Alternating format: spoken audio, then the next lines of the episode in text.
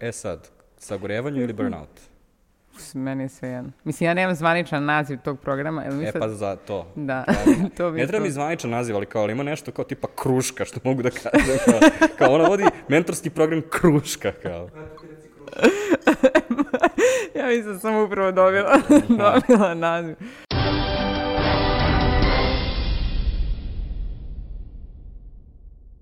Dobrodošli nazad u Žiška podcast. Danas pričamo o burnoutu. Opet. Zašto pričamo opet? Zato što se dosta vas javilo da je ova tema bila jako inspirativna i smatramo da je uvek relevantna i dobro je da imamo što više mogućih pogleda na ovaj problem. Danas nam je u gostima Hana Ćelap, koja ima svoj mentorski program koji pomaže ljudima da spreče burnout ili da izađu iz njega, a takođe radi kao HR associate u firmi Centili. Kao i uvek, možete nas pratiti na YouTube-u, Google podcastu, iTunesu, našem RSS feedu, Spotify-u i nadamo se uskoro na Deezeru i kao i uvek, a pišite nam u komentarima koga želite da dovedemo još kao gosti, o čemu želite da pričamo, a sada pogledajte, odnosno poslušajte razgovor o sindromu sagorevanja, odnosno o burnoutu sa Hanom Ćelap. A, da, nećemo da krećemo kao prošli put, ovaj, jer pošto prošli put sam ja nešto kao krenuo da objašnjavam Ivani da ovaj, ne možeš da kreneš na dobar način i onda je Miloš samo nije isekao taj deo i kao, ladno smo. to je fora, znam, da, meta, meta komentar, da. E sad ću namjerno da ćutim, da moraš da isečeš ovaj deo, razumeš? kao ses, sad Ovo je će za se, blooper. sesna će samo deo koji ćutim, kao, znaš, kao ja ću da ostavi ovaj glupost. Da da da... Wow, you're a king of post-production, my man. Uh, hajde da počnemo tako što kažeš ljudima šta je mentorski program. Ok, mentorski program je napravljen na osnovu nekog mog iskustva iz proteklih godinu dana, tokom kojih sam odlučila da dam otkaz na poslu iz snova koji sam imala, jer sam doživjela burnout. E, i da promenim karijeru baš par meseci pre nego što je počela pandemija, to je bilo jedno sjajan tajming. I onda sam u tom periodu onako imala dosta vremena da porazmislim o svom ponašanju, pošto pet meseci nisam radila, a dobar deo tog vremena sam bila zaključana kod kuće. I shvatila sam da tu ima nekih principa i praksi koje sam počela da primenjam svakodnevno kako bih sama sebi olakšala. I onda sam, kao i sa tim vlogom što sam krenula da objavljam, pa sam unapred najavila svih sto, čisto da bi nekako prikupila ekipu oko istog cilja, jer će i meni biti lakše da istrajem u tome ako znam da ima ljudi sa kojima to radim, napravila taj program da zajedno, da zajedno probamo da primenimo te korake. Um, šta se tamo dešava ukratko? Šta se dešava se svašta. Program je podeljen na četiri meseca, svaki mesec ima jednu temu. Krenuli smo u oktobru i tu je tema uspori. Znači, generalno da bismo se pribrali, videli gde grešimo, eh, spoznali te neke paterne ono, u ponašanju, gde zapinjemo, jer generalno burnout kome se desi jednom, uglavnom eh, postoji ta tendencija da se posle i ponavlja. E, drugi korak u novembru je odluči.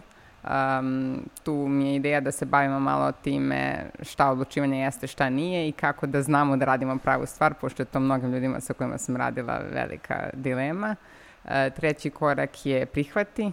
E, tu radimo malo protiv perfekcionizma, navikamo se na greške, na to da ne može sve da bude idealno, ni okolnosti, ni posao i da jednostavno radimo u okvirima koje imamo. I poslednji korak se zove istraj, a, a tiče se građenja nekih dobrih navika.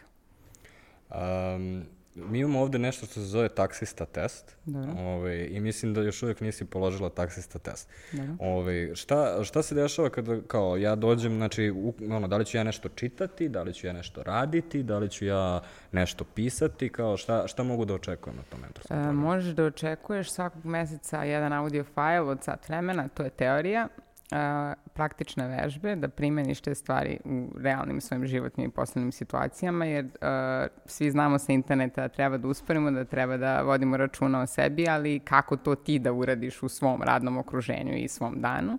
E, možeš da mi daš neki primjer onda te praktične vežbe? Mogu da ti dam primjer. Sad smo radili, radili, mislim, tako mi je smiješno kada sam profesorka neka. Imali smo a, okvirno da napravimo plan nedelje kako izgleda u nekim blokovima vremena i gledali smo na koliko stvari u toku nedelje si morao da kažeš ne. Odnosno Aha. koje nisu bile inicijalno u tvom planu, jer e, mi često nešto nam uleti u raspored i samo ga dopišemo, ne izbacujući ništa od onoga što smo imali i to se tako karika, karika i ti posle nekog vremena e, ne znaš gde si zato što prosto izgubio si nit šta ti je početak, šta ti je Miloše, kraj. da slušaš ovo? Molim te preslušaj posle podcast, je- bit će ti jako, ja- jako ovaj, zanimljiv. Hvala.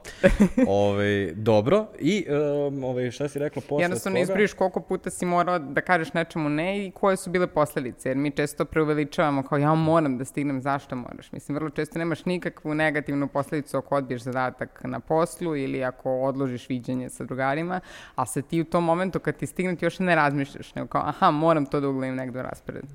Jednostavno malo proveravamo da li je istina sve to što sami sebi pričamo na neki način. I onda posle te uh, praktične vežbe koju ja odradim sam, ni se nalazimo zajedno ili kako ide? Da, imamo na kraju meseca Zoom razgovor, sat vremena, gde ono svako, ako ima neki problem ili ako ima neku ideju, dodatno pitanje kako da primeni te stvari o kojima smo pričali. Mada mi se dopisamo svaki dan, ali eto, tada imamo priliku da sednemo i da popričamo uživo. A, kako ja da znam da li meni to treba? Pa ne znam kako si, ajde da te pitam kako se... O, o, ovo će biti teško za ljude koji slušaju podcast, ali ja trenutno namigujem na jedno oko i pokušavam da pevam. Kao, super sam. on već mu tasko, on mi je Da. kandidat, tako Da. sam... Ne, ja, ja ovaj, kao, ovaj, inače postoji sad ta fora ovaj, koju ja imam, moram da pomenem ženu kao prava papuča u svakom podcastu, ali ona, je, ona mi stalno Blago govori kao da ja, koliko ja, ona se stalno nervira koliko ja ne umem da multitaskujem, a ja sam veoma ponosan zbog toga što ne umem da multitaskujem. Znači ja mogu da veoma brzo single taskujem, ali ne mogu, mislim da multitasking ne postoji. Kao postoji multitasking na nivou, možeš da peglaš i da slušaš podcast ili da se šetaš i da slušaš podcast, znači dokle god radiš nešto što je mehanički, što ne zahteva uopšte uključivanje kao pretrano, ovaj, što bi rekao Kahneman sistema, jed, sistema 2, Ove, ali a, da, ako pokušavaš da multitaskuješ stvari koje mi radimo svaki dan, a to su bilo kakve kompleksne operacije tipa kucaš mail i pokušavaš da montiraš video zajedno sa time, to neće uspeti i to samo, ono, to samo konstantno produžava i jedan i drugi zadatak, ja bih rekao. Da. Tu sam ja na tvojoj strani, slažem se i negde mi program je u stvari nekako, ideja mi je bila da se podsjećamo na sve te stvari za koje tebi suštinski niko ne kaže bravo. Znaš, ti kad odradiš video ti imaš gotov rezultat i zato ti stalno juriš da napraviš što više videa, ali kad uzmeš i naspavaš se 8 sati, nemaš, nemaš taj moment telefon da back, da ti neko kaže uradio si dobru stvar. U stvari ta stvar koju si uradio će da te dovede do toga da u toku dana postigneš sve što si hteo.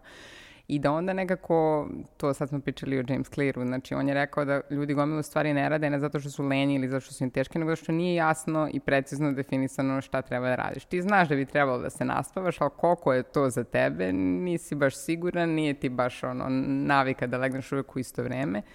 E onda kad to sam sebi posložiš, ne možeš sebi da kažeš nisam znao, uletelo mi je, ne znam, bilo je hitno. Mislim da postoji ogroman problem trenutno, ovaj, da većina poslova koje radimo, kao, koji su sad ono, white collar jobs, odnosno bilo kakva vrsta kao konsultantskog posla, koji smo većina kao ljudi koji su u, u branši marketinga ili IT-a, um, ti poslovi nisu, nekada si mogu da budeš jako ponosan kada izbaciš tu jednu stvar. Ono, izmontiraš video, svi te high-five-uju i super ono stave tvoj video na credits i kao kad radiš te velike projekte, to je okej. Okay. Međutim, kao standardan posao danas je nekako za, projekt se nikada baš ne završava, nego ono ujedno ima i tri neka druga projekta na kojima radiš i onda kao nikad ne postoji taj ono, narativ koji možeš da sklopiš onako, baš smo se trudili, onda smo nešto veliko izbacili i onda smo bili u fazonu, super smo mi i kao čestitaš sam sebi i kao pređeš na sledeći projekat nego u stvari konstantno nešto meandriraš između i onda svaki dan postaje um, postaješ jednostavno, dolaziš na posao i na poslu obavljaš neke zadatke i ako sam sebi ne kreiraš taj narativ kao šta si ti sad tu uradio, niko neće da ti kao kreira taj narativ da ti objasni ti si sada završio jedan veliki deo posla. Pa dosta znači i sa kolegama da napraviš taj, taj odnos gde jedni drugima možemo da ono, bacimo high five. Mislim, to je taj moment gde ti non stop nešto radiš, a nikad nemaš utisak da si nešto uradio.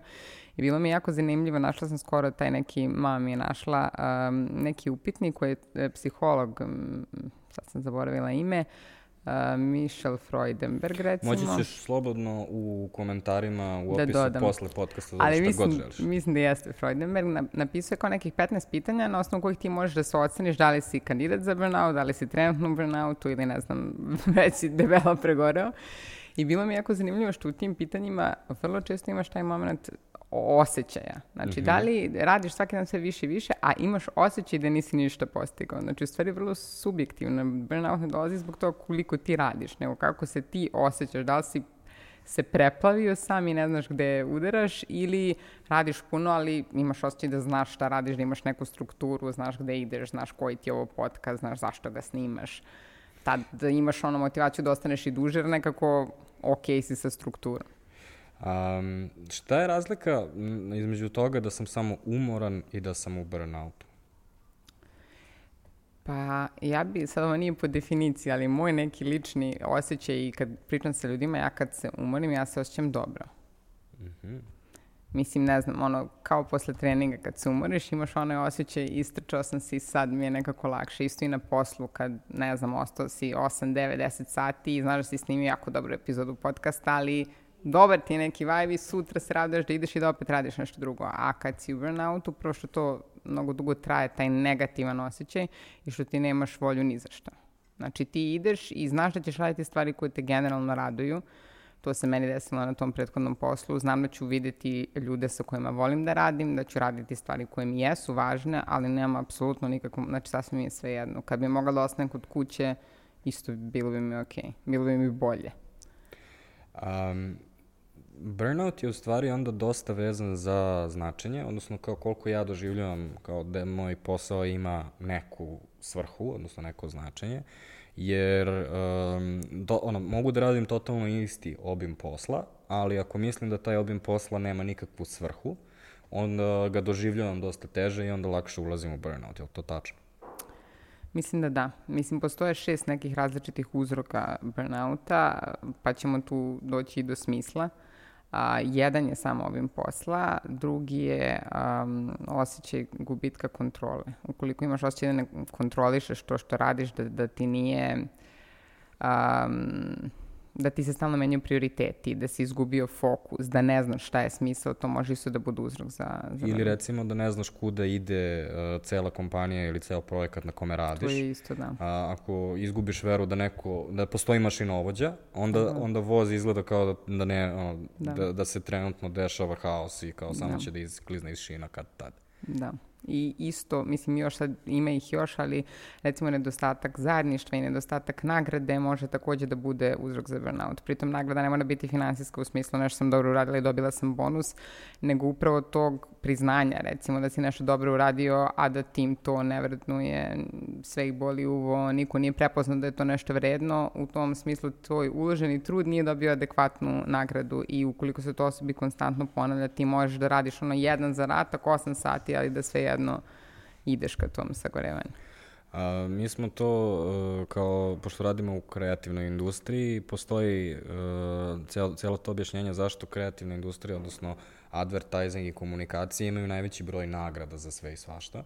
Jedan od razloga je zato što su agencijaži kao ovaj, skloni tom burnoutu i takođe ovaj, najviše im znači da dobiju taj neki, to neko priznanje svog rada i onda postoji hiljadu avenija e, koje pokušavaš da stvoriš unutar agencije, a onda i kao sa strane da drugi ljudi takođe mogu da kažu bravo, to je ono, dobro određen posao. A, šta je još o, može da bude, da uzrokuje burnout? Um, šta smo rekli, nedostatak za nedostatak e, pravednosti isto. Znači, osjećaj da ti kolega radite jednako kvalitetan posao, ali da je on iz nekog razloga favorizovan, to isto može da, da proizvede. A tu je sad ogroman problem zato što ljudi obično o, dosta loše kontaju ove koliko ono a, ljudi koji ljudi koji iz, postoje dve vrste problema s time. Jedna je ljudi koji izgledaju kao da a, ne rade ništa samo zato što se veoma malo žale, od, odrade gomilu stvari veoma jednostavno. I postoji oni druga vrsta ljudi, a to su ljudi koji a, šta god da urade, ceo kanc mora da zna da su to uradili i onda kao jao, moram da napišem ovo. I kao, svi znaju o tome. Pa mislim, ne, negde moraš da nađeš balans. Zato i jeste zezno da ti pročitaš te uzroke ono u Mhm. tekstu, ali moraš da nađeš u svojoj kancelariji te ljude i da vidiš kako se vi poklapate i kako jedni drugima, mislim, u suštini trebalo bi da budeš glasan ne samo o postignućima, nego i o načinu na koji ti voliš da se tvoj rad e, vrednuje. A takođe mislim da, da, se, vra, da se vratimo na, na tvoj mentorski program, mislim da je dosta bitno da postoji diskusija sa drugim ljudima, da se upo, ono, da nekako se normiraš, kao da, ono, da imaš nekoga ko ti a, izazove, ono, izaziva te tvoje stavove, u smislu ti kažeš, ono, ja, tipa, ono, često postoji taj mit, ja sam jedini koji ovde radi. I onda kao dođu drugi ljudi i kao, da li si siguran, kako se onda desi ovo i tako dalje. Pa da, i zato što nemamo svi u poslovnom okruženju ljude koji imaju razumevanja za te stvari. Uglavnom, mislim, ima puno ljudi koji na to kao umoran sam, ne mogu više, ma ajde, kao ne izvodi. Mislim, gde ljudi minimiziraju uh, značaj njihovih problema i to isto može da bude onako da te malo i isfrustrira i da više vodi ka tome da se ti manje poveravaš, manje pričaš o tome da imaš problem i generalno sve ti bude nekako teže da iz toga isplivaš i mislim da, da kad ljudi, mislim, nije svaki umor i, i ono o- opširniji projekat uh, da te vodi u burnout, ali generalno trebalo bi da se priča o tome i da se, što kažeš, da se normiraš sa drugim ljudima, šta je okej ili nije okej. Ako mene svaki dan ono muka mi da odem u kancelariju, to nije okej. Mislim, ja mislim da ljudi generalno vole da rade. Sad, ok, nekad me mrzi, mrzi me da ustanem, ne sviđa mi se neki zadatak, ali imaš potrebu da nešto stvoriš, da se nekim ljudima komuniciraš, da se oko nečega dogovorite. Ako nemaš tu želju nikako, ono, mesecima, negde, negde je zapela. A ti si ovo sve postavila dosta onako ne ex katedra, mislim, na, kod nas bi bilo, ono, ti, recimo, jednom trenutku si rekla a, nije po definiciji, i ja sam recimo pročitao deset definicija ovaj, burnouta i ni jedna mi nije bila korisna, zaista. Um, dosta je bitno šta ti u stvari konstantno radiš sa osobom na njenim um, na njenim pretpostavkama, sa njenim osjećajima, to su sve stvari koje je jako teško definisati. Um, koliko je bitna podrška grupe cele u ovom procesu? A mislim da je najkorisnija podrška grupe uh, zbog primera, jer um, tebi se desi da te to kolege ne vrednuju, ali nekad i ti sam sebi kažeš, pa dobro, može ne moramo da pričamo o mojoj reklami koju sam napravio, pa dobro, možda moj kopij nije toliko sjajan, a onda kad vidiš šta ti drugi... Kako, Čiji kopij nije sjajan? nemoj ti meni, ali nekako kad vidiš da se drugi ljudi nose sa tim problemima, bude ti lakše da, da pričaš o tome i mislim, to su do nekih smešnih stvari, znaš, kad, kad kažeš, ok, danas su mi rekli da treba da uradim još ovo, ja sam rekla neću, otišla sam kući u pet, onda nekako valjda i drugim ljudima bude lakše, pa dobro, možda mogu i ja da probam, ništa se strašno nije desilo. I toliko mi bude drago kad vidim da oni u grupi pišu svoje primere, tražio sam službena kola, nikome ništa nije zamerio, a ja se sve vreme susprežem jer kao neću ja da budem glavni u ekipi. Onda nekako vide jedni od drugih da, da je to okej, pa krenu da... Vi ste u stvari kao neka vrsta psihološkog sindikata. Znaš ono kako su se nekad Pa, radnici organizovali u fabrikama. Kao, kao, meni su dali ovo, traži ti. Da, zato što mene mnogo frustrira što se danas e, se favorizuje ta borba za postignućem i ono kad se postavi neki zadatak, ja mogu da radim vikendom, ja mogu da radim preko vremena, meni ništa nije problem. Ja mislim da, da takav stav generalno jeste problem. Mislim da ljudi koji ti daju zadatke, bilo da je kompanija, bilo da ti sam sebi daješ zadatke, njima je u interesu da se ti dobro, s tim što oni nisu odgovorni za to koliko je tebi dovoljno da spavaš i koliko ti možeš da uradiš. Ti si odgovoran da kažeš gde je granica i zbog sebe, ali i zbog njih. Jer ako pregovoriš, nećeš više moći da, da radiš. Ja sam duboko ubeđen, a o, sad ulazimo u teoriju zavere Teša Tešanovića. O, ja sam duboko ubeđen da je ceo mito a, haslu o, ovaj, napravljen od strane ljudi koji ne znaju da rade posao mm. i najlakše je izmeriti uh, ostao sam posle radnog vremena. Ja znam zasigurno da sam radio sa jednom osobom koja je sedela svaki dan, barem do 7-8 na poslu, ali pouzdano znam da je ta osoba takođe sedela i četovala na Facebooku kao pola dana, i, ali samo je bilo bitno da na kraju ipak mm. ono, završi u 7-8, izađe i pogleda tužno u kancelariju. Um, kada god naiđem na te sisteme u kojima se vrednuje, kao jako je bitno da radi, ono, šalješ mailove u subotu uveče u 8, 8 uveče. Um, kad god vidim takve sisteme, u stvari e, često su upareni sa nedostatkom um, zaista kvalitetnog rada. I ono, kada pogledaš to šta izbacuje, sad to možda je Ako vezano. može kvalitetno da radi, ako radi non stop, mislim, nemoguće. A, mislim da je više no, način na koji, na koji se ono, ono, na koji mogu da rade strateški. Recimo, stra, problem sa strategijom je što moraš da, ceo tim mora da ima razvijenu moć konceptualnog razmišljanja da bi uopšte mogao da radi na strategiji. Mm -hmm. I jako često se desi dobi, ono, tim dobije odličnu strategiju, ali onda, recimo, u našem poslu se često desi super je strategija, ali ne sviđa mi se post. Uh, pa ne možeš da izmeniš post bez toga da fundamentalno izmeniš strategiju. Znači, možemo se dogovorimo sad kako će da izgleda 100 postova, ili možemo da ne radimo ništa od toga i onda se svaki dan opet dogovaramo i sve je ad hoc i sve, sve daje se ono hiljadu rundi feedbacka na, ovaj, na, na svaku stvar. A, međutim, to nije svrsishodno. Da. I a, postoji taj, ta trka u nuklearnom naoružanju, kao ono hladni rat između Sovjeta i Amera, um, gde ono, neko pritisne dugme i u fazonu je pauzira projekat i resetuje ga i time stvara stres svima u lancu. Um, I tako se, ono, ljudi se igraju tim dugmićima restartovanja projekta i stvaranja dodatnog stresa, ovaj, zbog toga što time kao rade posao, a to nije jedini način da se radi posao. Postoji način, ako unapred napišeš dobar brief, ako, se, ako ispoštuješ sve što si napisao u tom briefu, ako imaš dobar raport sa svima u timu, ako svi razumeju šta rade, onda će da rade daleko efikasnije i krajnji proizvod će biti do, doći ranije, odnosno pre vremena, imaće da, bit će daleko kvalitetniji i uh, moći da ga, da ga realizujete sa manje resursa. No, Teša Tešanović je završio svoje Čekaj, izlaganje. Da, mi je Teša dobar šlagor, moram da se nadobrim. Mislim, to je i negde i meni bila ideja, zato što mi isto, pored tog uh, veličanja hasla koji me beskreno nervira, isto me nervira i taj moment stalnog kretanja od ponedeljka, stalno, stalno nešto mm -hmm. počinjemo od početka.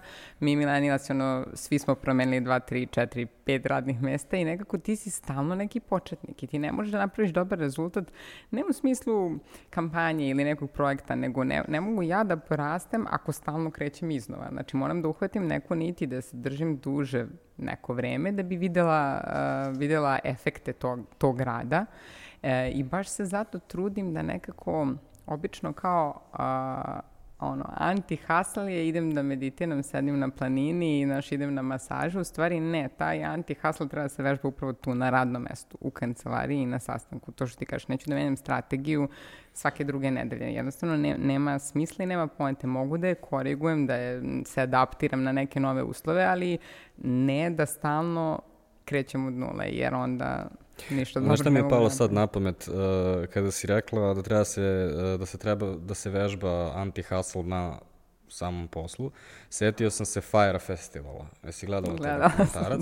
I setio sam se uh, tipičnog lika koji je vodi marketing odeljenje Fire Festivala i sećam se tog trenutka kada on pokušava da smisli komunikaciju kao za sve. Ja sam u tom trenutku, ja vidim kako se cela stvar raspada, naravno, ali vi ste, ono, vi, mogo si da vidiš već četiri meseca da će doći do tog problema, kao zašto ti sad pokušavaš da ono nešto izvarničiš i kao ono da. imaš gomilu stresa i kao to će nečemu pomoći, da. već mesecima znate da nemate mm. dovoljno kreveta da ljudi da. spavaju i šta radiš onda na tom projektu uopšte. Da. Kada ono, sam si sebe doveo, sigurno je postoje, postojali su bolji projekti na kojima si mogu da se uključiš, ali si odabro taj koji očigledno nije, nije bio viable.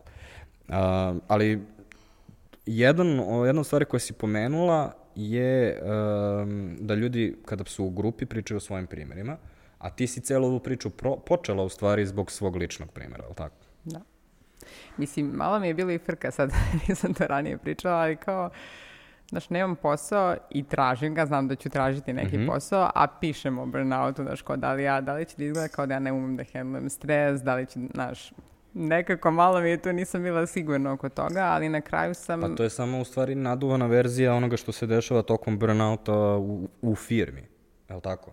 Kao ti kada si u burnoutu da. u firmi, ne smeš, ono, jedan problema je da ne smeš da digneš ruku, da kažeš da. nikome da ti je trenutno previše, jer se bojiš da, da će te ljudi prozvati da si slabić. Da, doduše, ja uglavnom kažem, ja ne bih mogla da izdržim, ali generalno da, postoji ta neka stigma i baš sam bila u fazonu, e, baš me briga. Znači, treba da nađem ljude koji će da budu sa tim ok, baš sam u jednom tekstu napisala ono javno obećavam da mi se neće ovo više desiti, zato što uh, upravo ti ljudi sa kojima ja želim da radim treba da znaju da ja neću da radim 24-7, da ja hoću da tražim vreme da sedem da razmislim o nekom projektu. Mislim, ja imam dogovor sada sa mojom mentorkom kada imamo neki zadatak koji zahteva malo više razmišljanja. Ok, ne dire me pola dana, radim to. Ne dire me ceo dan. Znači, pusti me da sedem i da radim, pa ću sutra, ono, turbo mod, odradim sve ove operativne zadatke. I mislim u takvom okruženju je jedino i moguće postići, tako. Ja sam svesna da nemaju svi sreće da se, da se nađu sa takvim ljudima, ali nekako mi je... Ali ne samo to, ovaj, jedna stvar koju si rekla je dosta bitna, rekla si izolujem se neko vreme da radim na nečemu. Uh, ljudi danas, zbog toga što postoji hiljadu jedna distrakcija, um, pogotovo, znači mi smo live na svim messengerima konstantno, a, privatno i poslovno se mešaju, znači sad, ono, mm. sasvim je normalno da poslovna komunikacija ide preko Facebook mm. Messenger jer je to najzgodnije. Mm. A, mi imamo Slack, ja svaki put kad upalim Slack, evo sad mogu da, da vidim, imam a, trenutno na Slacku 50 notifikacija. Ove, tih 50 notifikacija, nijedna od njih nije zaista od neka sad, Hitno, ono, to da. su sve neke sitne poruke, ove, recimo, objavili smo da ljudi treba da, da, da, da pripaze na, na jačinu glasa zato što snimamo podcast. Kao, ali ljudi, ne, ono, ljudi konstantno pokušavaju da drndaju telefon i da kao sklone sve te notifikacije. Mm. Još jedan primer je onaj uh, kretenski, kretenska notifikacija koja, koju izbacuje Outlook kada ti stigne neki mail. Uh, kao ono u donjem desnom Ali zvuk. O, ono, ne samo zvuk, nego taj, ono, izađe ti i, i onda, ovaj, ja sam sad dobro se istrenirao da ne gledam to, a, odnosno da pogledam i da znam, ono, ovo, ne, ovo me ne meram da brinem, ali postoji onaj trenutak kada mi dođe nešto što me, ono, iznervira i onda sam kao opsujem i treba mi jedno pola minuta da se vratim u, u normalu. Ali, uh, U suštini samo sam hteo da, da, da dodatno naglasim, znači nije samo odnos koji imaš sa mentorom, nego i kakvo okruženje ti stvoriš sebi. sebi da. A, ako pokušavaš da sve te, ono, sve te skrivene stvari koje u suštini nisu rad, da. a, pokušavaš da pokupiš, onda ćeš verovatno jednostavno sebi napraviti pakao od života.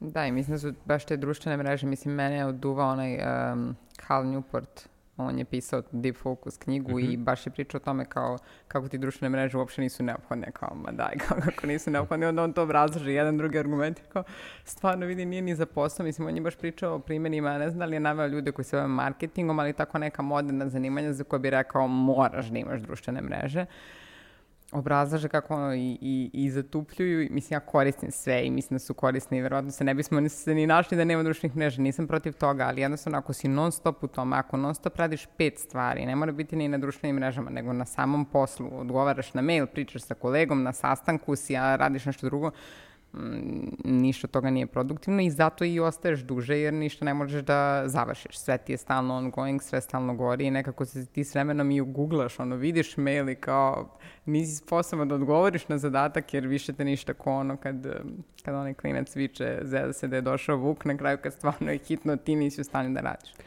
Um, prekinuo sam te, krenula si svoj lični primer. Pa da, meni se dva puta desio burnout. Jednom je bilo zbog uh, prirode posla, to je 2017. bilo, uh, gde ja nisam dovoljno asertivno svoje granice branila.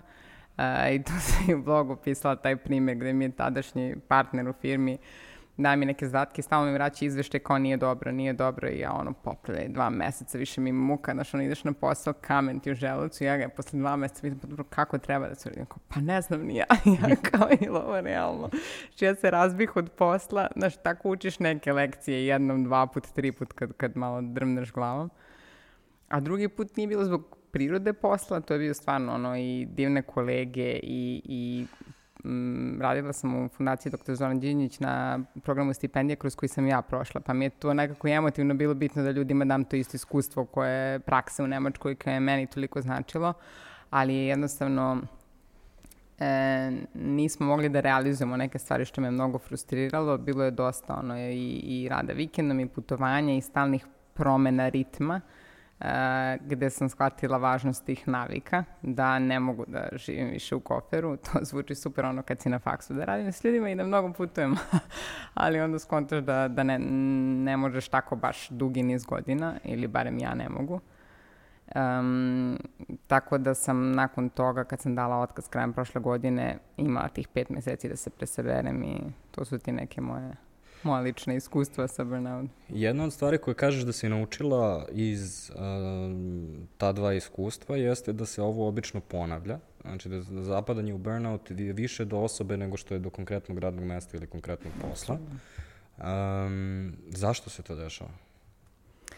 Uh, samo da ovde napravim ogradu, baš sam s jednom devojkom na, na programu pričala o tome, ona, meni, ona me pitala kao da li to znači da je sve do naših pogleda na svet, kao što ja nemam toksičan management, nego kao ja sam kriva. Mislim, nije ona kriva, apsolutno može da bude toksičan management, ali je ti moraš da znaš gde je za tebe mm. uh, gde je za tebe ta granica ide u skladu sa tim sa tim reaguješ. Definitivno mislim da je ono mi smo sad to pojednostavili malo da. i kao svaki put kad pojednostaviš izgubiš neke informacije možda bi kompletna informacija bila postoje različiti izazovi u različitim da. sredinama, a, međutim a, sklop a, stvari koje vode do burnouta je obično a, vodi do burnouta u većim brojem tih okolina nego ako nemaš taj sklop. Da. Kao neko će u sistemu sa relativno da. toksičnim menadžmentom i dalje neće ući u burnout, a neko će i u lakšem sistemu možda ući u burnout. Mislim da je to u stvari kompletna poruka koju bi neko trebalo da, da, da shvati, jel da?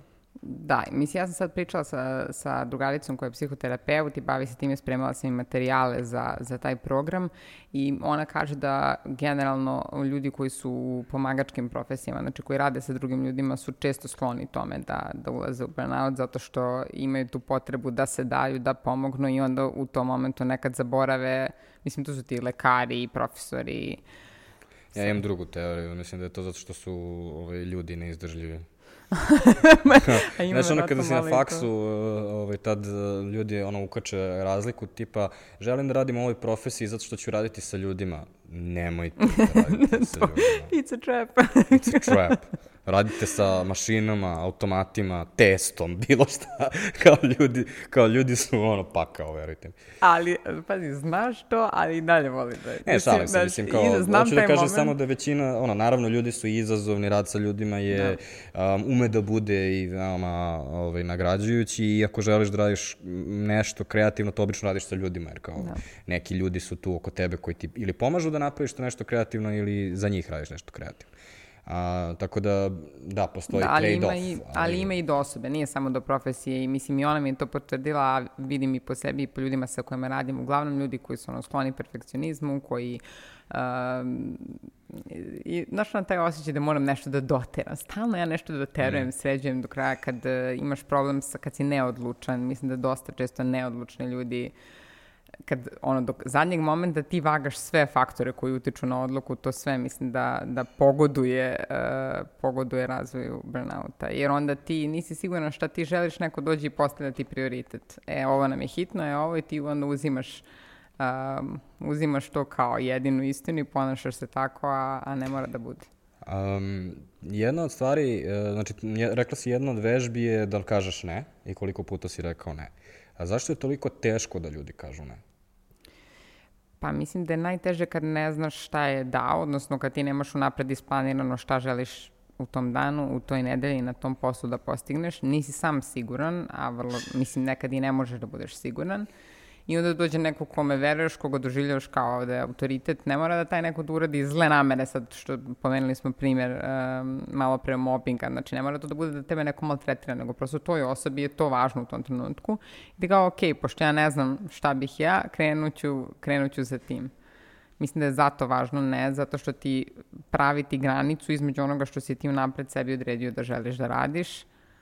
A sad ću ti reći nešto, uh, mi u našem management sistemu uh, i kao u nekim tekstovima koje, ovaj, koje smo pisali po tom, na tu temu, imamo instrukciju reci ne i to je najčešća intervencija koju radimo, zato što ti kažeš ljudima reci ne, to se očekuje od tebe, to je tvoja odgovornost. niko to ne uspe iz prve. Ljudi, uh, koliko god ti ohrebrivao, to je pokušavaš da im objasniš, kao ceo sistem je baziran na tome da ti možeš da kažeš ne, odnosno, kako ja to volim kažem, ne postoji centralni registar svih tvojih obaveza. A, znači, moraš da pregovaraš konstantno. Međutim, ljudi su, ka, kao da ti i dalje ne veruju, kao, ma ne, neko će da iskoči sa strane i da kaže da nisam radio dovoljno. A mislim da je to u ljudskoj prirodi. Znaš, mm. mi volimo da budemo deo neke ekipe, želimo da se dopadnemo ljudima i onda ti zarad toga kao... Mm, kao da prikupljaš neke poene time što si raspoložen za sve. Međutim, e, ako se osvrneš na ljude u kancelariji i mislim ja sad kada analiziram sva radna okruženja u kojima sam bila, uglavnom ljudi koji e, svemu kažu da su i ljudi koji su stalno u haosu i nikad ništa ne stižu i oni mnogo manje postižu od onih koji ti bez problema kažu e ne mogu, imam danas neki sastanak, neću stići pitanje nekog drugog. A, oni uglavnom stižu da odrade nekako sve i to je meni bilo ono kao ok, znači ja nešto radim pogrešno, nije, nije to stvar da, da, da li sam ja kriva ili ne, nego prosto moram da vežbam taj moment da mi nije problem. Jako je važno zašto kažeš ne, znači nije, nije sad ideja, ja ću sad, sad da se jogunim i svako što mi nešto kaže, ja ću da a, a priori odbijem tu ideju samo da bi to vežbala, ali ako sam rekla, ako nisam rekla ne samo da bi tebi udovoljila ili da ti ne bi nešto loše o meni mislio, onda je to Kako pronađeš balans između toga da govoriš ne i budeš jedna lenčuga i uh, toga da napraviš razliku između ambicioznosti i toga da ne pređeš u hustle i da ne pređeš u burnout? Kao kako nađeš sve te balanse? Pa ja ne mislim da onaj ko govori ne je lenčuga. Ja uglavnom kad kažem ne, to kažem da bi napravila prostor da radim nešto. Pusti me zato što imam, pišem mail, pišem, javit ću ti se kasnije. Uh, A ovaj deo ambicioznosti i, i hasla, e, mislim da, mislim sad ovo i malo pre si ti pomenuo, ja mislim da ljudi koji su u tom hasla fazonu ne rade dovoljno produktivno i efikasno i um, kao ovo za podcast. Ti da bi napravio podcast koji će biti poznat i da ga ljudi vole i da jedva čekaju sledeću epizodu, ti moraš napraviš, ne znam, 50-100 epizoda. Ili ja za blog moram da napišem 100 tekstova. Uh, ti radiš stalno istu stvari. To deluje dosadno, ali tebi je nekako svaki dan u stvari drugačiji zbog te teme, zbog osobe sa kojom pričaš. Um, mislim da, da bi mogao tako nešto da postigneš, moraš mnogim stvarima da kažeš ne.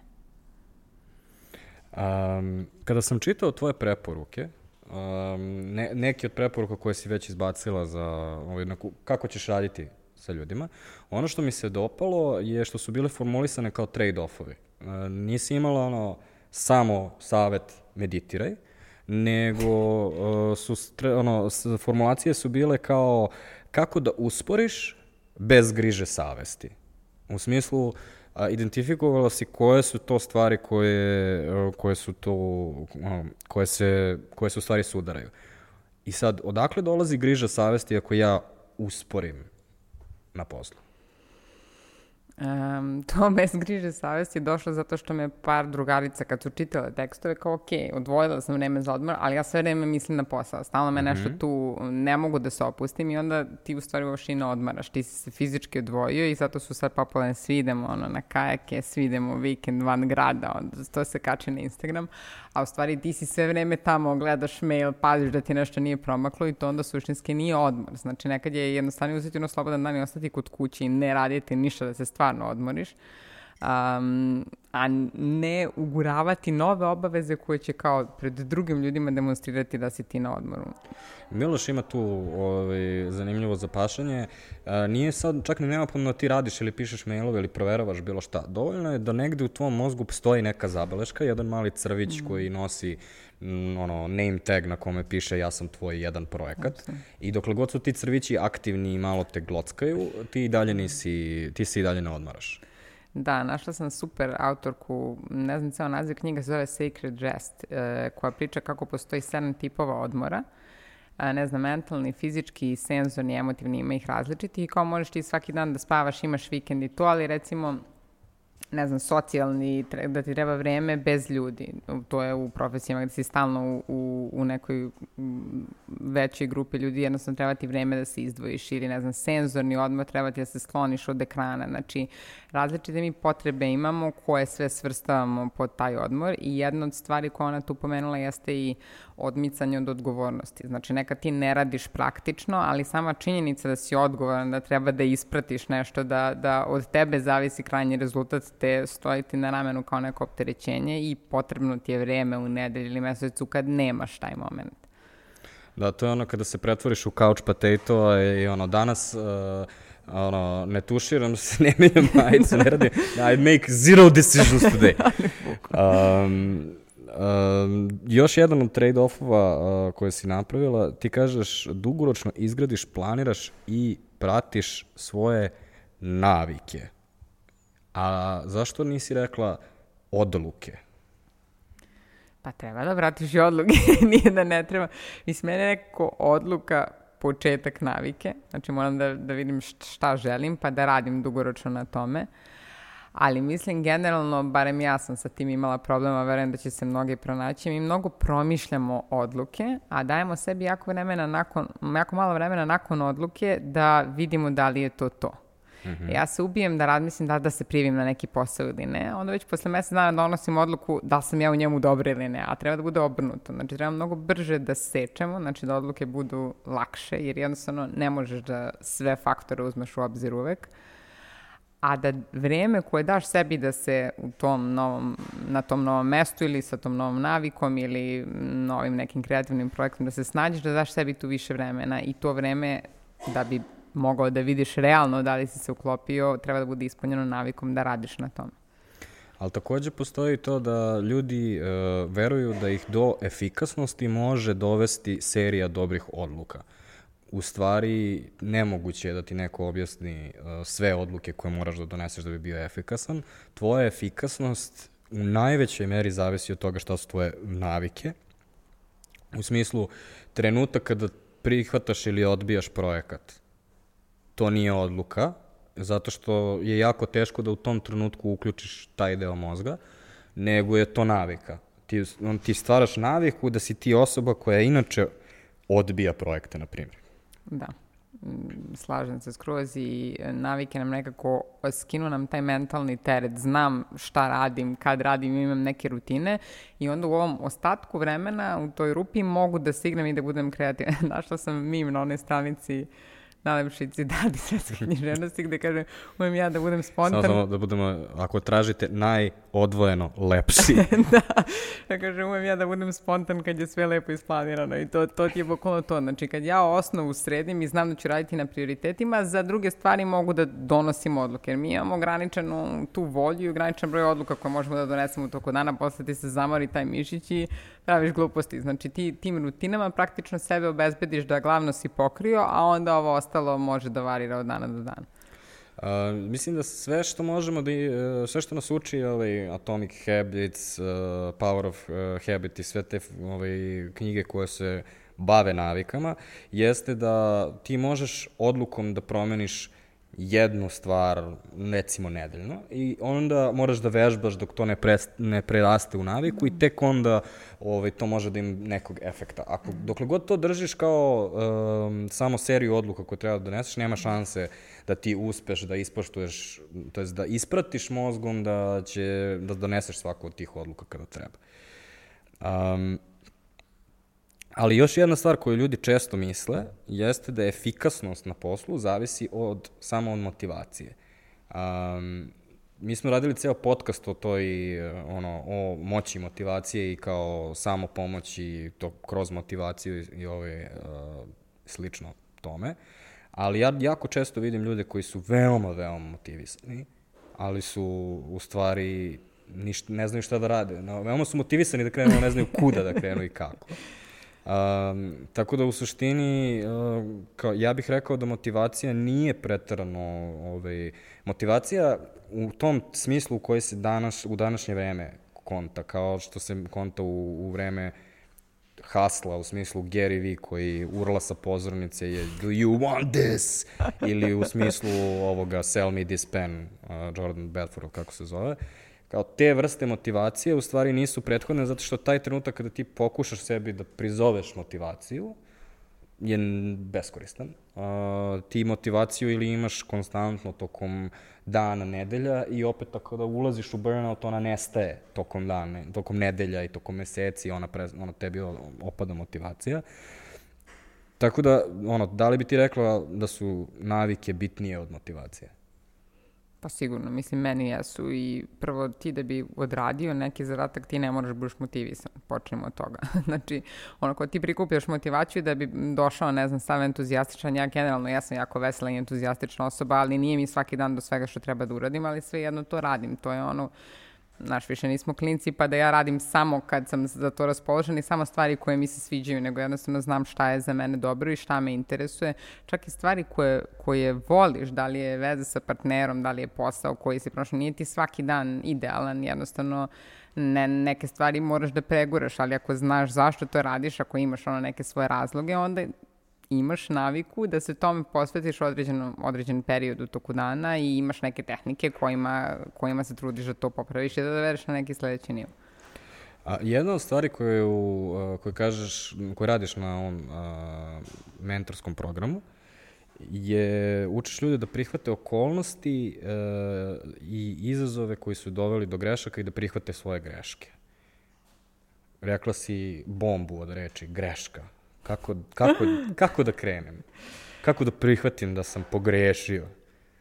Pa ja mislim da danas, um, to mi je sad i kako sam ušla i u HR, pa kad pričam i sa kandidatima, znam ja kad idem na razgovor za posao, ono, uvek je bilo kao ja sam perfekcionista, to je, bilo, to je bila prva stvar, a sad je, pošto su Kao i ono, gde vidiš sebe za pet godina? Na tvom mestu!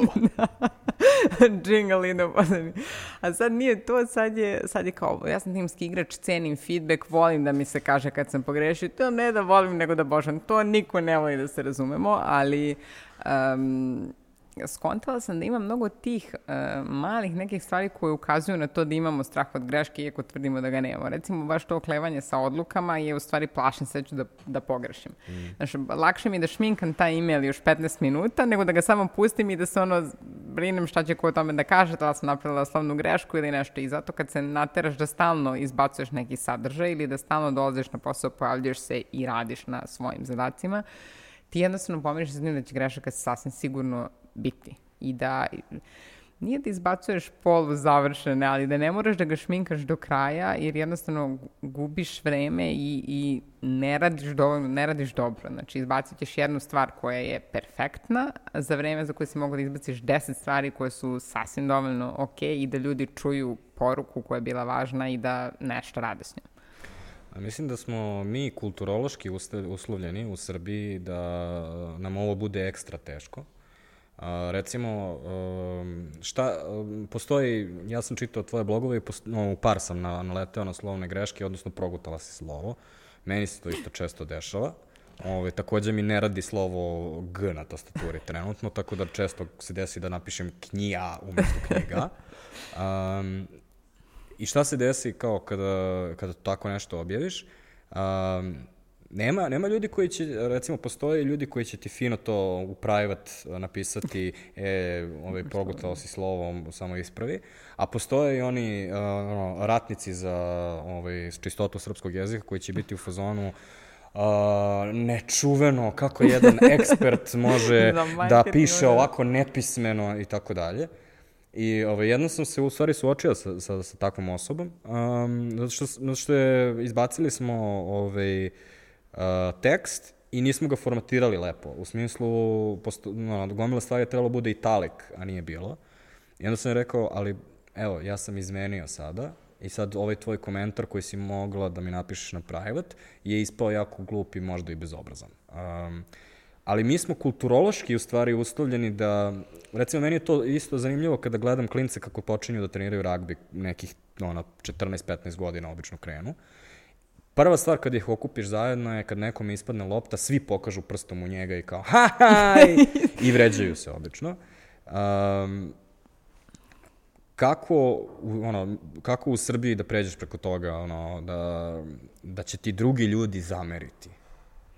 Javit će se, Kako tipa, odnosno, bit će negativnih komentara. I u strašno, mislim, ne znam, jed, jedno od tih uh, caka koju sam ja sama sa sobom primenjivala, mislim, generalno ljudi kojima se ja baš divim i sa kojima sam ali ne ono ljudi, što ti kaže, Gary sa YouTube-a, nego ljudi sa kojima sam radila, moji mentori, šefovi, oni sa kojima sam imala ubedljivo najbolji odnos su bili vrlo otvoreni po pitanju svojih grešaka i onda uvek se podsjetim uh, kad me tako, druga stvar, pored oklevanja da, do, da doneseš odluku je potreba za pravdanjem. Neko ti kaže, e, ovo si mm. pogrešno si uradio, nisi mi poslao dobru pripremu. Pa ja ne znam, pa ja sam se spremao, pa čim ti kreneš da se toliko pravdaš, znači ti nisi ni pustio da čuješ do kraja negativan komentar koji možda jeste na mestu, onda možda ispraviš, ako nije, nema veze ali uglavnom ljudi sa kojima sam radila i sa kojima sam imala veliko zadovoljstvo da radim i puno od njih naučila nisu imali problem sa tim, naprotiv, oni su mi ukazivali na svoje greške i na moje greške i svaki put kad bi ja napravila grešku bilo kao ono malom detetu, pao si ništa, nema veze, cepa, znaš, nema, nema neke drame oko toga i shvatiš vremenom da stvarno nema. Mislim, ako radiš svaki dan, naravno da ćeš da praviš greške. Nije prijetno, ali e, gledam barem da smanjim vremenski, e, vremenski period od momenta kad ono osetim tu neprijatnost do momenta kad nastavim da radim i sad mi je taj period stvarno mali. Mislim da postoji i problem u tome što recimo mi sve vreme pričamo o greškama i kao koristimo reč greška. A nije svaki feedback baziran na grešci. Kako da. nešto da bude bolje je, ni, kao nisi ti ništa pogrešio, pogrešio tu, da. ali ja ono, ako, ako, ako sam primetio nešto da. sa druge strane, bez obzira da li, sam, da li smo u mentorskom odnosu, da li smo u podređeni nadređeni ili nadređeni podređeni, ili sam ja tu random prošao pored vas i video nešto i pokazao, ove, mnogo velika razlika u tome, uh, e, kao, vidimo ovo, mogli biste to da primenite, a ljudi onda to percipiraju kao, oh my god, I have failed. Da, da, mislim, što kažeš, nije mnogo stvari koje su subjektivne, jednostavno način na koji radi neko ko tuči posao možda neće biti tvoj način, možda ćeš ti da isti posao raditi drugačije, ali s druge strane čak i da jeste greška, šta ima veze, mislim, napravit ćeš je sigurno opet. Ja znam, ja znam da ću sutra otići na posao da ću nešto pogrešiti. Neminovno je, radim mnogo novih stvari, počela sam nova, sam tu sam tek četiri meseca, jednostavno ok sam s tim zato što je to jedini način da jednog dana naučim taj posao. To je sad jedna od velikih, jedna od velikih zadataka menadžmenta u stvari uh, danas, jeste da obezbedi sigurnost da se o tim greškama priča i sad ti si pomenula ovaj, konkretno jedna, jedna od najboljih tehnika jeste da prihvatiš sobstvene greške, jer ako ti nikada nisi pogrešio, onda i tim shvata implicitno da i oni ne smeju nikada ništa da pogreše. Ali kako još mogu, možemo da, ono, šta još treba da se desi u timu da bismo osigurali da ljudi mogu da pričaju o svojim greškama, a onda zbog toga i da osjećaju manje pritisak na poslu, a i zbog toga nadajmo se manje burnoutu.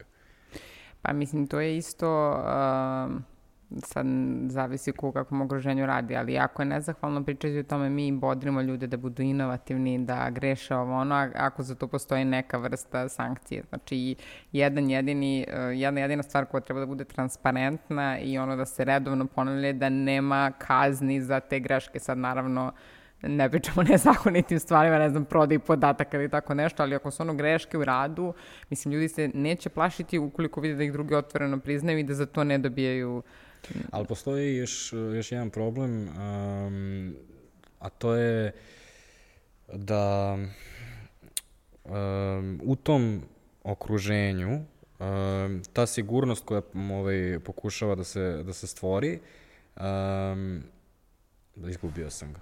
Pogrešio si. Pogrešio. Nema veze ja sam pogrešio i priznajem svoju grešku na, na, ovom, na, podcast. na ovom podcastu. Ne znaš šta tu možeš da bude? Da recimo kad pogrešiš, uh, ono, pitate sa mentor ili kolega, ja gledam mene, često to pitaju, ok, šta, šta ćeš sad s tim?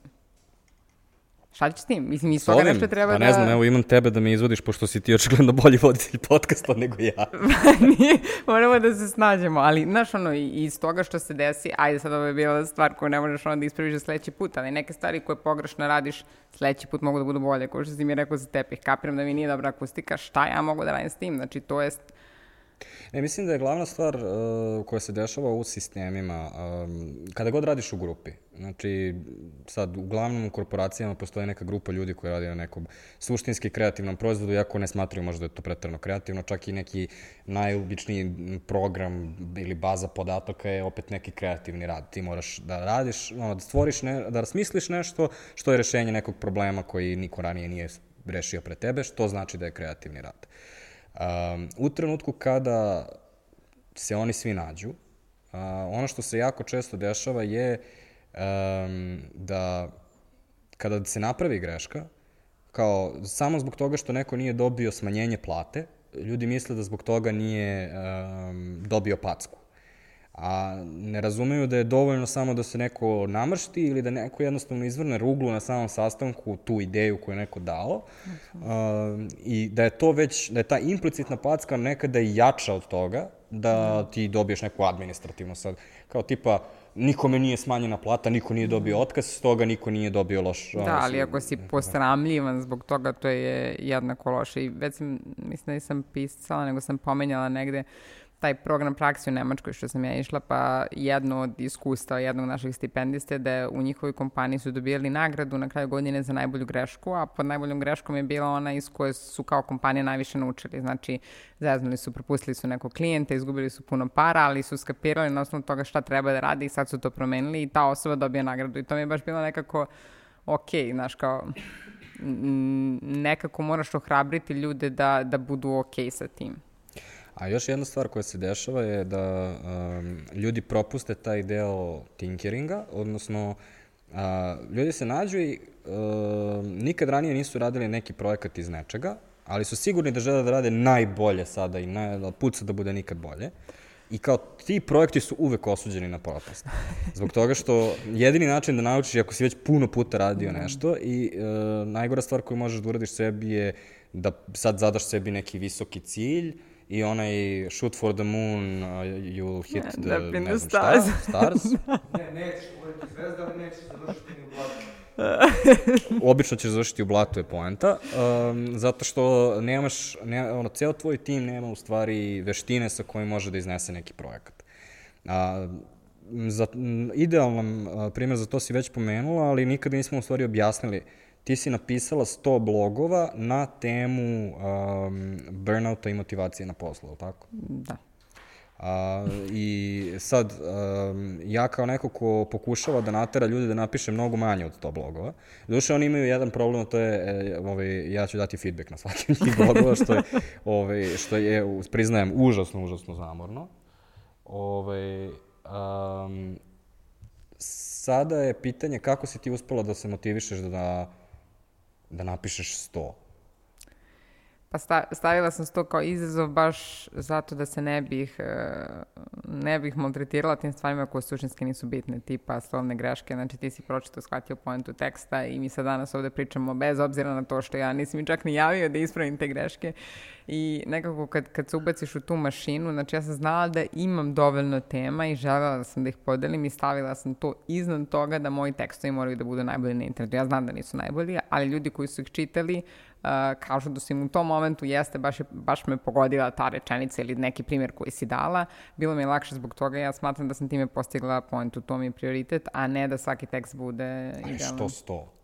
Je moralo da bude 100? Pa to, nije moralo da bude 100, mada sam htela da neki duži vremenski period uh, pišem da čisto vidim da vidim ili, ili stvarno to hoću, ono, koliko to hoću. I ispostavilo se da hoću, pošto i nakon 100 nije mi dosadilo i sad izbacim jedan, dva nedeljno koliko stignem, ali nekako go, godina sam pre toga planirala sad ću, evo sad ću dok ne postaviš sebi rutinu, dok ne kažeš ono jedan tekst dnevno ili da je bilo jednom nedeljno, znači dok nemaš definisano šta ćeš raditi, lako ga odlažeš. Ovako sam znala da moram svaki dan da, da odvojim vreme za pisanje i Nije te plašilo to šta ako failuješ, šta ako dođeš Naravno do 70 da i ne, ide dalje. Naravno da me plašilo, ja sam, pričali smo već, malo sam ja varala, spremila sam unapred neke, ali e, skapirala sam da ne mogu na pol, ono, napisala sam 30 i shvatila da ne želim i ne mogu da napišem 100 unapred. Nije realno, neću kačati tekstove koji su mi taj dan bitni, propustit ću neke stvari koje sam u tom procesu naučila i nekako kreneš, pa da nisam mogla, šta, šta bi, koja bi bila posledica? Ali mislim da je u stvari uh, ti veštački, uh, vešta, ono, veštački ciljevi koje sebi pravimo, kogu god znali da smo lupili, ovaj, recimo, mi smo imali diskusiju da li ovaj podcast treba da izlazi jednom nedeljno ili jednom kad god ga snimimo. I onda smo bili u fazonu, ako budemo pričali jednom kad god ga snimimo, realno ćemo stalno odlagati i na kraju ga nećemo snimiti. I recimo postojala je jedna nedelja koju smo propustili i onda smo Miloš i ja išli u naokolo ceo vikend sa ono obešenim nosevima i refreshovali Google podcast sa suzama u očima i bili u fazonu ovde nema našeg podcasta, trebalo bi da bude niko živ nije primetio da nije izašao Žiško podcast te nedelje i bukvalno smo bili u fazonu uh, smirite se momci, sve je okej, okay, neće da se ono, završi život. A, međutim, i dalje smo se vratili u taj uh, mod jednom nedeljno. Ove, ovaj, A i pored toga što ste te jedne preskočili, ostalih 40, koliko, 3-4 puta ste snimili, a da niste imali jednom nedeljno, imali biste ono, Da, mislim da je to, pričali smo o tome e, na početku, e, postoji taj, u toj knjizi Atomic Habits koju smo oboje čitali, postoji jedan primer, a to je um, čovjek koji se zove Jerry Ulsman, ja mislim, e, je na uh, univerzitetu podelio svoje studente fotografije u dve grupe. Jedna grupa je dobila zadatak da samo um, fotografiše što više fotografija. Znači, ocenjivani su na osnovu kvantiteta tehnički ispravnih fotografija koje dostave. Druga grupa je trebalo da bude suđena na osnovu jedne fotografije, jedne jako dobre fotografije koje oni dostave. Šta se desilo? Fotogra ovaj, grupa koja je dobila da fotografiše što više je iz, bukvalno izletala napolje, ono, odovatila fotoaparate, sve što vide je fotografisala, dobio je gomilu fotografija, ono, kuhinja, ono, ovo je moj aranžman ovaj, mog preostalog ručka, posle Instagrama samo mrvice, đubre i ovaj, uprljani escajg. Međutim, tokom vremena oni su postali sve bolji i bolji fotografi, odnosno te trenutke koje su oni lovili svakodnevno su u stvari krenuli sve više da um, unapređuju. Druga grupa je provela prvih dve nedelje naručivajući knjigi o fotografiji, drugi dve nedelje prokrastinirajući treće dve nedelje filozofirajući o tome šta je savršena fotografija, naredne dve nedelje zamišljajući koncept svoje najbolje fotografije i onda dok su došli do toga da treba da okinu fotografiju koju treba da okinu, u stvari su izgubili sve to vreme za vežbanje. I sad ono što se desilo je da je univerzalna grupa koja je bila koje, u kojoj je trebalo da se sudi samo na osnovu kvantiteta, imala bolji kvalitet najboljih svojih fotografija od grupe koja je trebala samo da proizvede najkvalitetniju fotografiju. A, šta je ono, naravučenije svega toga? je jedini način da napreduješ u bilo kakvom kreativnom poduhvatu jeste ako kao konstantno radiš na tome i konstantno onda analiziraš šta se, ovaj, šta se dešava a, sa, sa tim sadržajem. Ove, a, Da, i tu ima mnogo tih uh, zamki gde recimo i za blog, ali i za neke druge stvari, ja kažem samo sebi, ok, sad odlučujem o strukturi programa, znaš, ko završila sam 100 tekstova, znam da ću da pravim mentorski program i sad ja odlučujem o strukturi, dala sam sebi neko vreme da se odmorim i odlučujem. Pročitala sam par tekstova na tu temu, pa malo odmaram, pa malo radim redovan posao i ja dve nedelje odlučujem. Onda se kažem, ček, ček, šta radiš? Znači, ti ne odlučuješ dve nedelje, ti si ostavila to sebi kao stavku, što kažeš, taj crvić ti sedi tu, kao otvoren tab, ali ti u suštini ništa ne radiš. onda sam sela, po, ono, napravila na papiru strukturu, obrisala, izmenila, preživjela, odlučila, ćao. Znači, mi vrlo često sebi kad, to, kad smo kao ta druga grupa koja ide na kvalitet i mi sad kao promišljamo i to mi u suštini ništa ne radimo. Mi živimo u iluziji da odlučujemo, ali ti ne donosiš odluku tri nedelje, znači... Um, ko je odlučio uh, da uh, fotke za tvojih 100 blogova budu igračkice iz Kinder jajeta? ja sam odlučila zajedno sa drugaricom Tanjom Tepavac, koja znala sam da će da me fotka, T Tepavac na Instagramu. E, to mi je jedna najboljih drugarica sa fakulteta i stigli smo do toga, to sam obećala da, da ću ovde da ispričam, e, zato što sam ja u suštini krenula da pišem te tekstove tokom karantina, ono, bez posla i zaključana imala sam vremena i razmišljala sam kao kako da se, ne možemo da se nađemo, da se fotkamo, jer ono, baš smo se čuvala, ove, bile smo oprezne, to je mart mesec bio. Ja uzela da prevrtim njen Instagram i vidim par tih sličica tih kinder igračaka i znala sam da ima celu kutiju toga i kao, ok, ajde da te, te igračke budu likovi mojih priča. Zašto? Zato što ljudi, ono, milenijalsi za koje ja pišem, su se kao klinci igrali time i svima će to da bude neka asocijacija, ono, ja, nisam video ovo 20 godina, treba, mislim, sećaju se toga kao neke pozitivne asocijacije. Uh, Um, I svi su se naravno oduševili kad su videli to, a s druge strane mi ima neku poruku cijela ta priča s tim igračkama da pošto ja isto kao što ne volim ovu hustle kulturu, isto me nervira ta ideja sa tim out of the box rešenjima. Ja mislim da su vrlo često ta inovativna rešenja in the box, odnosno upravo u tim limitima koje imamo. Mi zato što nismo mogli da se nađemo, našli smo sa tim što imamo način da to da, da realizujemo to, da napravimo fotke i mislim da ono, posebno ljudi s naših prostora koji vrlo često smo se susredili sa tim i da nemamo i da ne može i stalno, stalno slušaš gde, gde si ti pošao, mislim da mi bar bi trebalo da imamo tu, tu need da ono, snažit ću se sa tim što imam kako mogu i, i napravit ću nešto. A na kraju ste napravili u stvari super stvar, ne samo zbog tvih tih stvari koje si rekla, koje jesu tačne, ali takođe si ti u stvari brendirala svoj blog. Jer ja, recimo, kada sam scrollujem LinkedInom, ja čim vidim igračkicu ovaj, Nilskog konja, ja znam da gledam jedan od tvojih blogova ovaj, kada su izlazili. Uh, a što je beskrajno bolje nego ono što ljudi obično urade, a to je ukucaju na stock sajtu, ono, very smart man in a tie, uh, doing a blog, no. Da. uh, doing a thumbs up. Tako da, um, ovaj, a pored toga su beskrajno ekspresivne sve te mm. Kinder jaja figurice, zato što ovaj, tipa to je neki uh, nosoro, to jest uh, nilski konj u kravati koji je jako ponosan na sam sebe, a onda u njega staviš u neki kontekst koji se slaže sa tim blogom.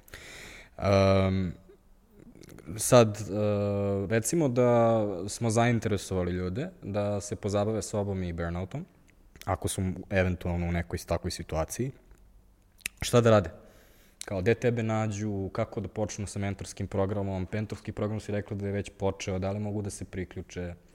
E, mogu, prvo mogu da pogledaju te tekstove da vidu vaše da li im se sviđa ideja i... I to nađu na tvom LinkedInu, ili tako? Na mom LinkedInu ili mogu i na blogu hanacelap.com. E, uh. -huh. Na Faceu i na LinkedInu sam objavljivala tih 100, sad sam se kao malo na Instagramu aktivirala, ali još se nisam skroz tu adaptirala. Uh, program traje, počeli smo 1. oktobra, u bilo kom momentu ljudi mogu da se priključe ako ih to interesuje i dobit će sve materijale koje su ljudi koji su do sad upali u grupu dobili i naravno dobijaju ulaz tu, vidjet će sve postave koje smo do sada, sve te vežbe koje smo radili zajedno, imaju pristup tome, mogu da, mogu da probaju sami. Hvala ti na razgovoru. Uh, ovo je najgori način da završimo podcast, a, ovaj, ali rekli smo da nema dobrih načina da se završi podcast. Tako, nema veze ako pogrešim. Da, ovaj, a vi ako ste došli do kraja, pišite nam, ovo je tema koju smo obradili opet, Ove, između ostalog, zato što ste, mnogo vas se javilo da, vam je, da su vam ovakve stvari dosta zanimljive, a, tako da ako želite da predložite bilo kakvu temu ili bilo kakvu gosta, pišite nam u komentarima. Ako nas slušate preko Google Podcasta, iTunesa, Spotify-a i sad uskoro i Deezera, um, ove, možete da nam pišete na podcast.žiška.rs i uh, slušamo se naredne nedelje. Najgori način da završiš podcast.